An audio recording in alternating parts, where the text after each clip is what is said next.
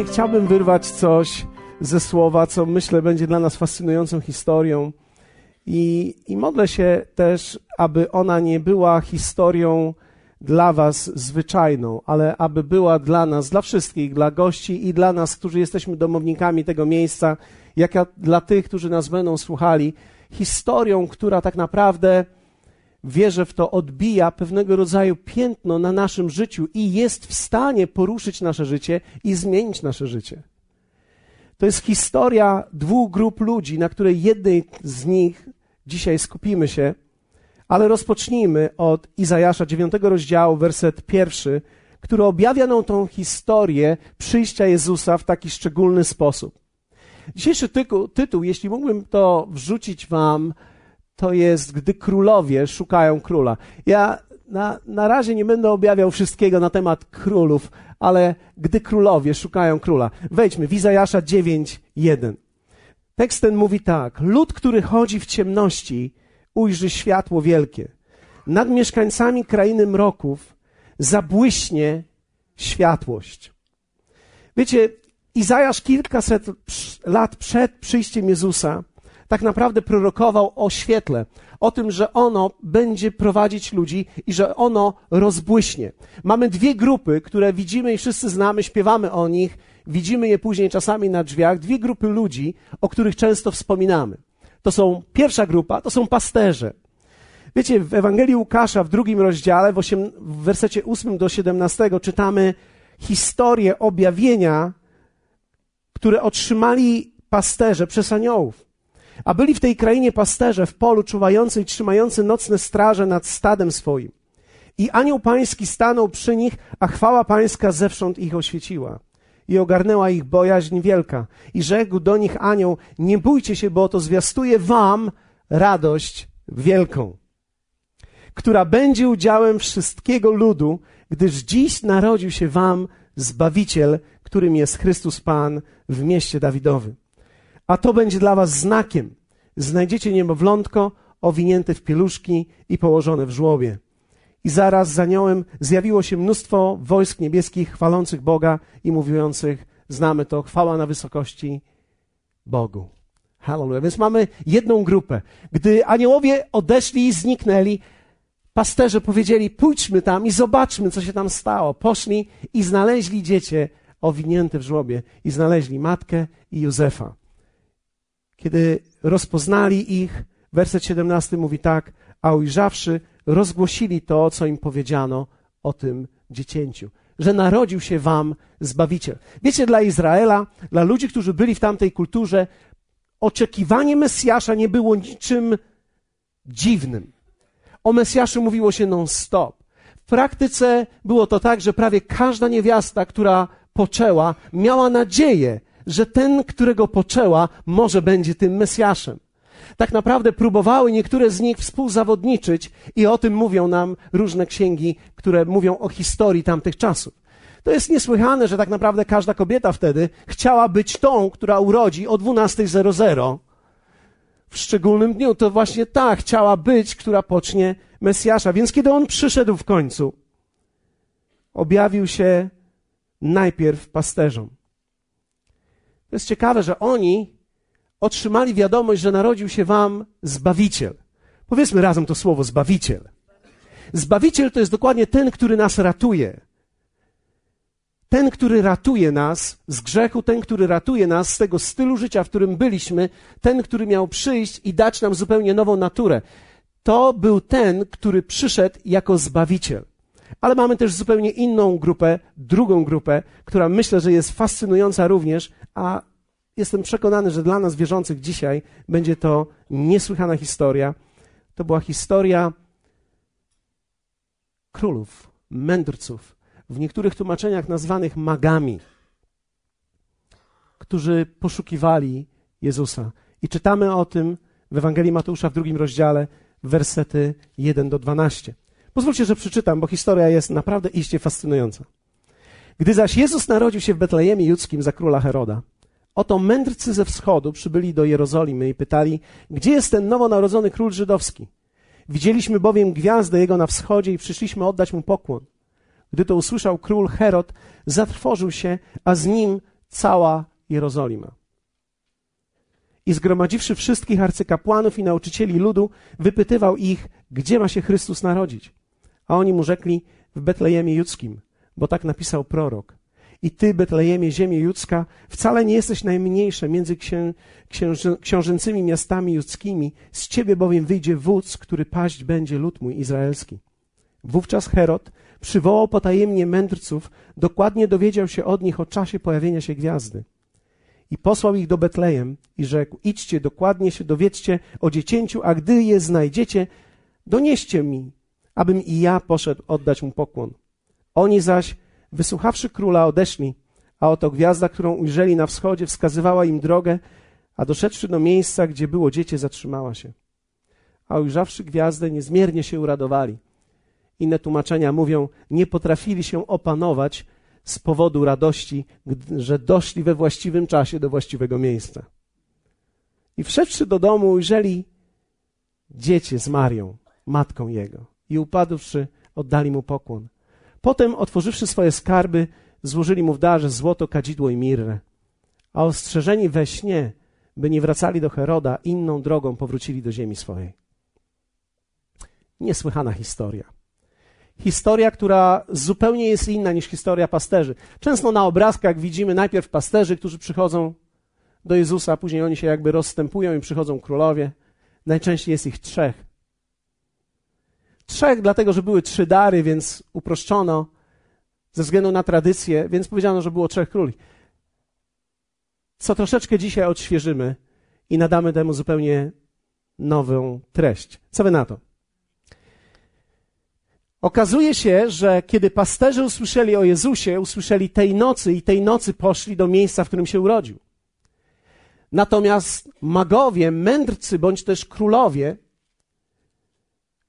kiedy zobaczyli gwiazdę, to nie był moment, w którym od razu stanęli przed nim, ale to był moment, w którym się urodził i poszli za tą gwiazdą. Kilka faktów tej historii ich podróży jest niesamowitych, jeśli możecie przez chwilę posłuchajcie. Po pierwsze, magowie ci pochodzili z Persji. Historia ich jest niesamowita, dlatego że Słowo Boże również tam było rozsiane w perskich granicach, nazwano je wtedy e, te regiony, e, było około 20 regionów perskich, nad którymi każdy, nad, nad każdym z nich był jeden z satrapów, książę, który panował nad danym regionem i oni wspólnie razem słyszeli kilkaset lat wcześniej tradycję o Mesjaszu, który miał przyjść. Ta tradycja i to słowo usłyszane przez nich trwało przez kilkaset lat, około 600 do 800 lat przekazywali tą tradycję.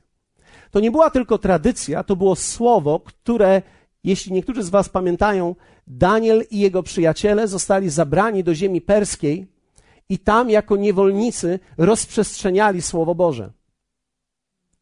To nie byli ich potomkowie tylko, ale to byli ludzie dotknięci ich wiarą, i dotknięci ich słowem, który, którzy przekazywali i mówili, że nadejdzie taki dzień, że przyjdzie prawdziwy król. Kiedy mowa jest o tych mędrcach, należeli oni do perskiej monarchii. Byli częścią królewskich rodzin. Nazwano ich również kapłanami i tych kapłanów nazywano magami. Byli częścią królewską, jak również niektórzy z nich niekrólewską.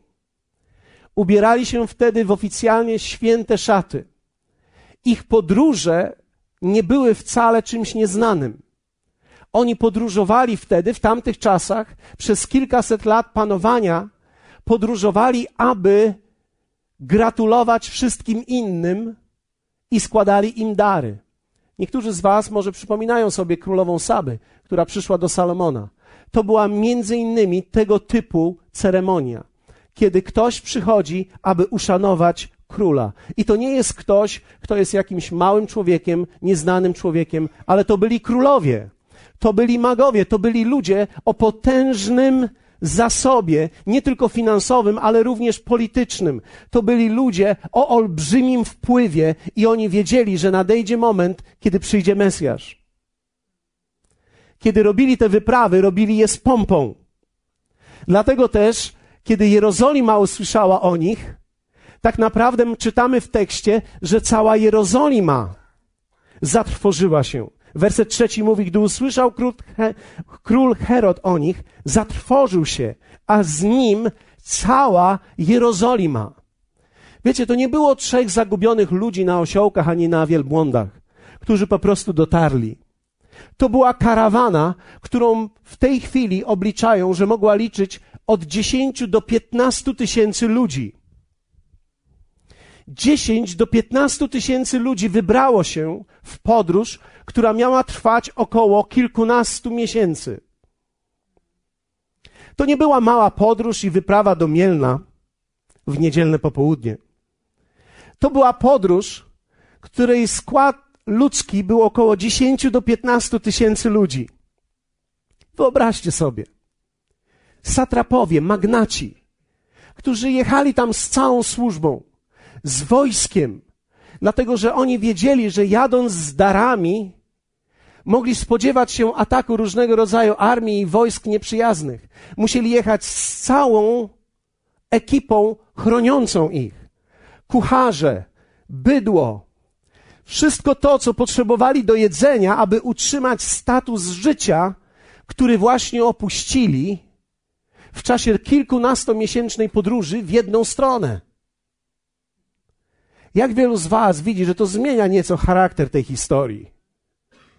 I teraz oni wjeżdżają do Jerozolimy, dlatego właśnie 10-15 tysięcy ludzi robi zamęt w mieście, ponieważ oni przyjeżdżają z tym całym dobytkiem, z wielkimi darami, po to, aby odnaleźć króla, który się urodził.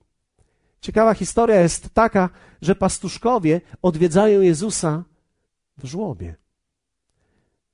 Natomiast cała ta karawana poszukuje i znajduje go w domu, w którym Jezus zamieszkał. Ci, którzy czytają uważniej, rozpoznają te fakty. Cały Synhedryn wtedy zebrał się na rozkaz Heroda, żeby sprawdzić, o co chodzi z tym królem, którym miał się urodzić. I wtedy oczywiście cały Synhedryn, arcykapłani mówią, o, Teraz już wiemy. To jest bardzo proste. I wyjaśniają Herodowi proroctwo o Jezusie. Drogę, którą przebyli, to była droga około 2000 kilometrów. Najszybsi kurierzy wtedy przebywali tą drogę w tydzień, zmieniając 111 koni. Ale 10 do 15 tysięcy ludzi tak naprawdę wtedy, w tamtym czasie, podróżowali kilkanaście miesięcy. Dlatego też, kiedy później czytamy dalej w tekście biblijnym, widzimy Heroda, gdy tylko usłyszał o tym, że karawana odeszła, zabił wszystkie niemowlęta aż do drugiego roku życia. Ponieważ Jezus mógł w tym czasie mieć około półtora do dwóch lat. Wtedy bowiem okazała im się ta gwiazda, której poszukiwali. Więc oni nie przyszli do malutkiego dzieciątka położonego w żłobie, oni szukali chłopca, który miał mniej więcej półtora roku. Fascynujące fakty. Co wy na to? Dary, które przynieśli, były niesamowite. Posłuchajcie. To były trzy dary, stąd też mamy w tradycji trzech króli, ale tych królów było o wiele więcej. Złoto, kadzidło, i mirrę. One symbolizują bardzo wiele. Za chwilę wspomnę dalej o tych darach, ale tak naprawdę te dary mówią o Trójcy. Mówią o Bogu Trójjedynym. Złoto symbolizuje Ojca. Kadzidło symbolizuje Ducha Świętego. I mirra symbolizuje Jezusa.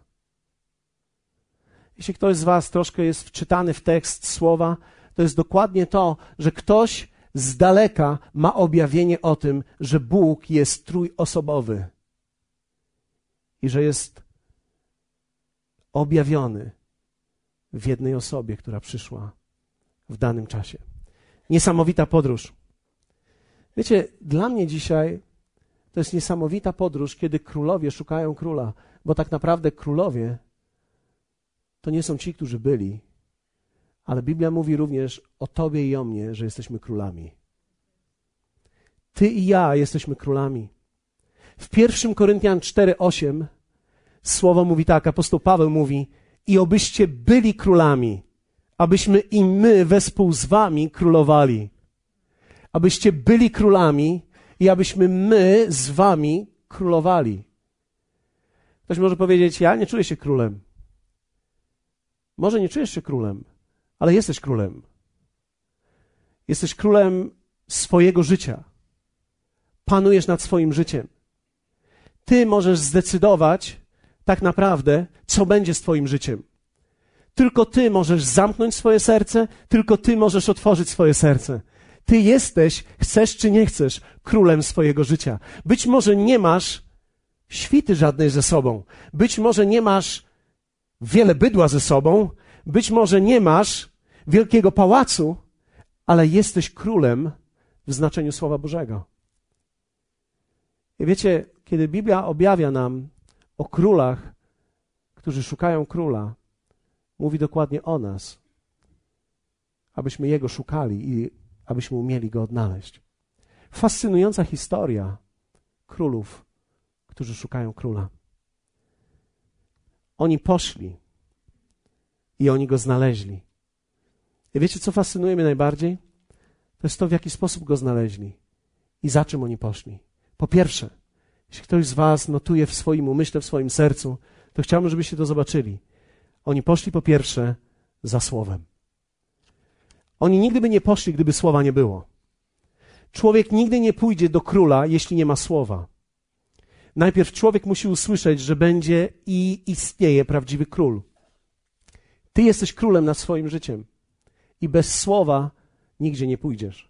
Wszystko zaczyna się w życiu od słowa. To słowo jest początkiem wszystkiego.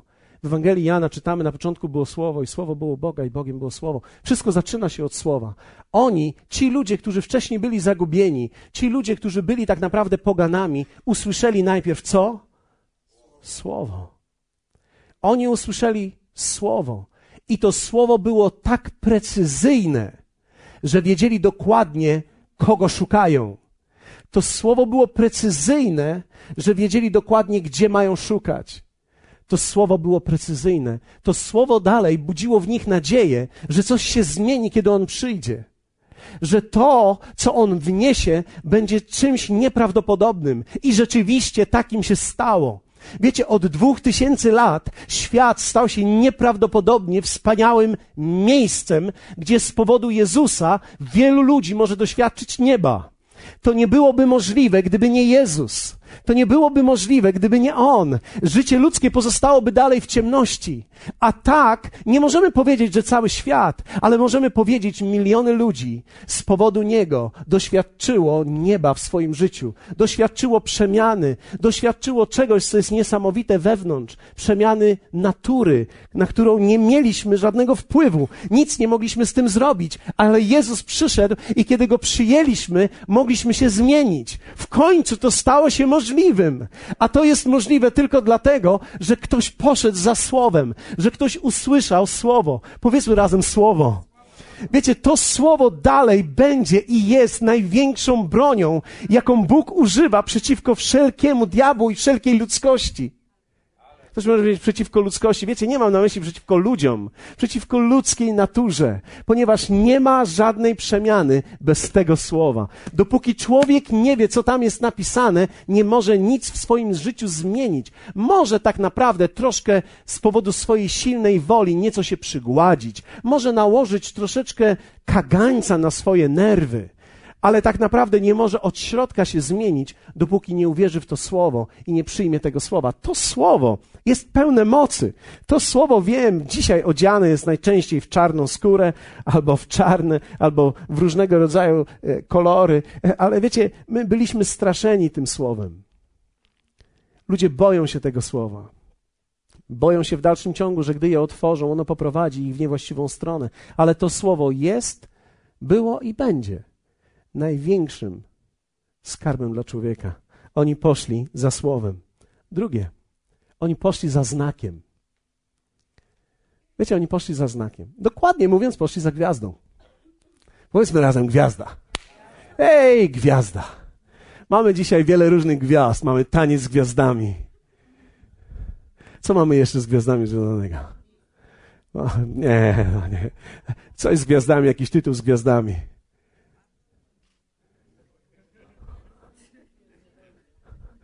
Co mamy takiego? Gwiezdne wojny. Nie, to nie o to mi chodziło. Gwiezdne wojny, bardzo dobre. Ja myślę, że to musimy wykorzystać następnym razem. Ale tak naprawdę oni poszli za gwiazdą. Dokładnie wiedzieli, kiedy im się objawiła. Stanęli w miejscu, w którym ona stanęła. I później przestała ich prowadzić, bo już nie musieli być prowadzeni. Oni poszli za gwiazdą. Posłuchajcie symbolikę gwiazdy, bo ona jest bardzo ważna. W pierwszej Mojżeszowej, w 15 rozdziale, wersecie 5, czytamy takie słowa. Bóg mówi do Abrahama. Potem wyprowadził go na dwór i rzekł: Spójrz ku niebu i policz gwiazdy. Jeśli możesz je policzyć, i rzekł do niego: Tak liczne będzie potomstwo Twoje. Bóg mówi o gwiazdach jako o ludziach wiary. Ludzie wiary i pokolenie wiary są gwiazdami. Bóg wyprowadził Abrahama i powiedział mu: Spójrz na gwiazdy. Takie będzie Twoje potomstwo. Ktoś może powiedzieć: Ludzie gwiazdami? Tak. Tak. To nie koniec. W objawienia 22 rozdziale, wersecie 16 czytamy: Jezus mówi tak: Ja, Jezus, wysłałem anioła mego, by poświadczył wam to w zborach, w kościołach. Jam jest korzeń i ród Dawidowy, gwiazda jasna, poranna. Jezus mówi: Ja jestem gwiazda. Jestem gwiazda jasna, poranna. Ale słowo mówi również o tobie, jeśli jesteś zrodzony z Boga, że jesteś gwiazdą. Jesteśmy gwiazdami. Nie świecimy tak jak On, ale świecimy Jego światłem tak naprawdę bo my nie świecimy sami z siebie, my odbijamy Jego światło. Ludzie w całym słowie nazwani są gwiazdami. Ktoś może powiedzieć, a cóż to takiego jest ten znak? To jest bardzo ważny znak, bo żaden człowiek, posłuchajcie mnie, posłuchajcie, żaden człowiek nie może pójść tylko i wyłącznie za słowem. Żaden. Bo to będzie tylko teoria. to będzie tylko teoria. Dopóki człowiek słyszy słowo, a nie widzi znaku, nie wie, jak ma tam trafić. Wiecie, ja wierzę w to, że Bóg mówi również do nas w te święta, że powstają w tym mieście i w całym kraju gwiazdy Boże gdzie nie będzie tylko słowo rozprzestrzenione, ale ludzie powstaną, którzy odbiją Jego światłem i Jego charakterem, dlatego że ludzie w tym kraju nie potrzebują tylko słowa, potrzebują również znaku i tym znakiem jest człowiek, który żyje w wierze. Tym znakiem jest człowiek, który reprezentuje Boga tam, gdzie jest. Ludzie potrzebują nie tylko teorii słowa, ale potrzebują manifestacji słowa. Dlatego też słowo i znak jest kluczem, który prowadzi królów do króla. To, czym, co prowadzi ludzi, to jest słowo i znak umieszczony wewnątrz ciebie. Bóg powołuje ciebie i mnie, abyśmy nieśli słowo, ale również powołuje nas, abyśmy stali się znakiem. Bo inaczej będziemy tylko teorią. Powiedzmy razem teoria. Teoria nie pomaga nikomu. Dlatego jest ważniejsze, kim się stajesz, niż co mówisz. Jak wielu z Was jest zmęczonych ludźmi czasami, którzy dużo mówią o Bogu, a nie żyją tak jak On. Wiecie, to nie wystarczy tylko i wyłącznie mówić o Nim i się zgadzać i mieć nawet argumenty. Dlatego, że diabeł również ma argumenty, ale nie ma życia. My potrzebujemy coś więcej niż tylko teorii, potrzebujemy życia, potrzebujemy być tym znakiem. Więc poszli za słowem i poszli za znakiem. I ostatnia rzecz, złożyli mu dary. Ktoś może powiedzieć, a co to ma wspólnego ze mną? Wszystko. Dlatego, że Twoje życie, kiedy pójdziesz za słowem i kiedy stajesz się znakiem, będziesz musiał również stać się darem i przynieść to, co masz.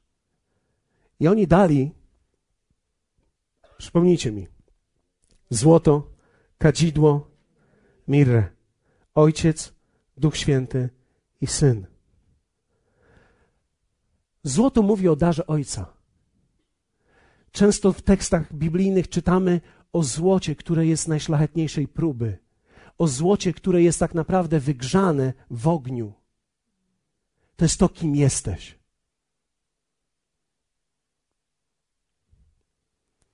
Kadzidło, Duch Święty, to jest dokładnie to, co potrafisz. To są wszystkie namaszczenia i dary, które niesiesz w sobie. I mirra to jest symbol Jezusa.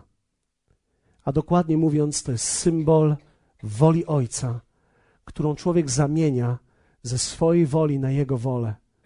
Wiecie, kiedy pojawia się słowo mirra w tekstach, pojawia się ona w powiązaniu z cierpieniem, w powiązaniu z poddaniem swojej woli. I to jest prawdziwe cierpienie. Wiecie, Biblia nie mówi o cierpieniu w postaci choroby, Biblia mówi o cierpieniu w postaci poddania i złamania swojej woli dla Jego woli.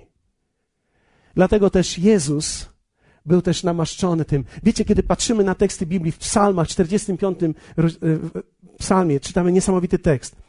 Jest mowa o Jezusie. Miłujesz sprawiedliwość, a nienawidzisz bezprawia. Dlatego pomazał cię Bóg, twój Bóg, olejkiem, wesela, jak żadnego towarzysza twego. I werset dziewiąty mówi, wszystkie twoje szaty pachną mirrą. Wszystkie twoje szaty pachną mirrą. Inaczej mówiąc, jesteś cały zanurzony w poddaniu się Jemu.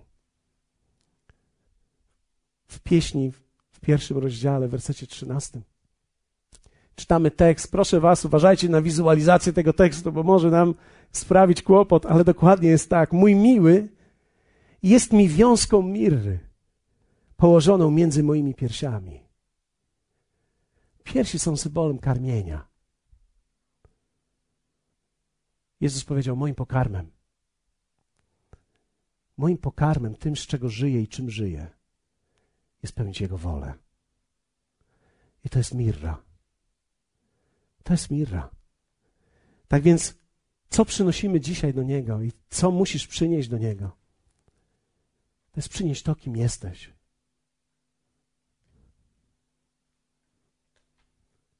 Przynieść to, co potrafisz. I przynieść swoją wolę i podać ją Jemu. I powiedzieć: Nie moja wola, ale Twoja wola.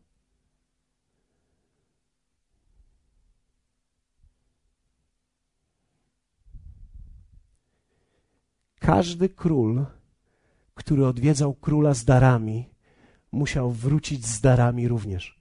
Kto z Was pamięta królową Saby, która przyszła do Salomona i oddała mu nieprawdopodobny majątek, ale wróciła z jeszcze większym majątkiem niż ten, który jemu dała? Co dał Jezus królom, którzy przyszli do Niego? Dał im nowe życie, które jest większą wartością niż wszystko, co oni przynieśli do Niego. Oni wrócili i wracali z radością i zwycięstwem, bo otrzymali i wiedzieli, będziemy mieli nowe życie. Kiedy wypełni się do końca proroctwo, będziemy mieli nowe życie, w które wierzymy, że było zapisane w Słowie. I to jest to, co Ty otrzymasz.